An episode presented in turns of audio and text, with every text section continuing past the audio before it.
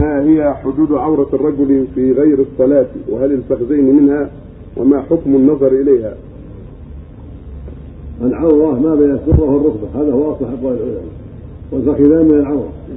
هذا هو الأصح. عورة الرجل ما بين السرة والركبة. هذا هو الصواب من قولي العلماء.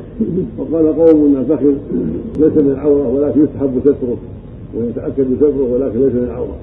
ولكن القول مرجوح والصواب أنه من العورة. وجاء في هذا عدة أحاديث قال فيها النبي صلى الله عليه وسلم الفخذ عوره ولأنه يجر إلى الفتنة متى بدأ جر إلى الفتنة ولا سيما من أصحاب الجمال والمنظر الحسن فإنه يفتن الناظر إليه. المقصود أنه عورة مطلقة ما والركبه هذا هو الصواب. فالواجب ستره في لعب الكرة وفي غير ذلك. نعم.